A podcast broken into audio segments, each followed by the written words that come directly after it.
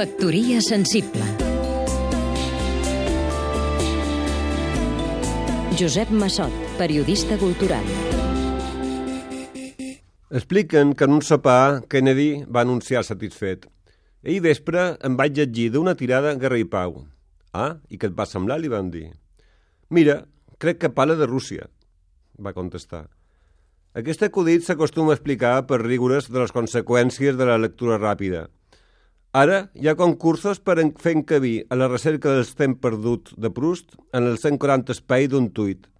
I moltes editorials forcen els escriptors a escriure un llibre a l'any. Un d'ells em confessava en desesperació. Ai, quin gran llibre hagués escrit si l'hagués pogut pair en quatre anys.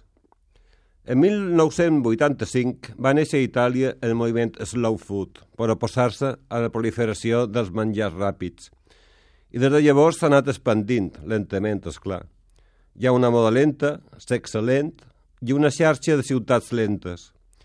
Crec que l'expansió de la globalització que tot ho uniformitza ha tocat a la seva fi i que la gent, sense renunciar a les comoditats que ofereix la tecnologia, està tornant a trobar-se en la naturalesa, els seus ritmes, els aliments i les maneres de viure locals.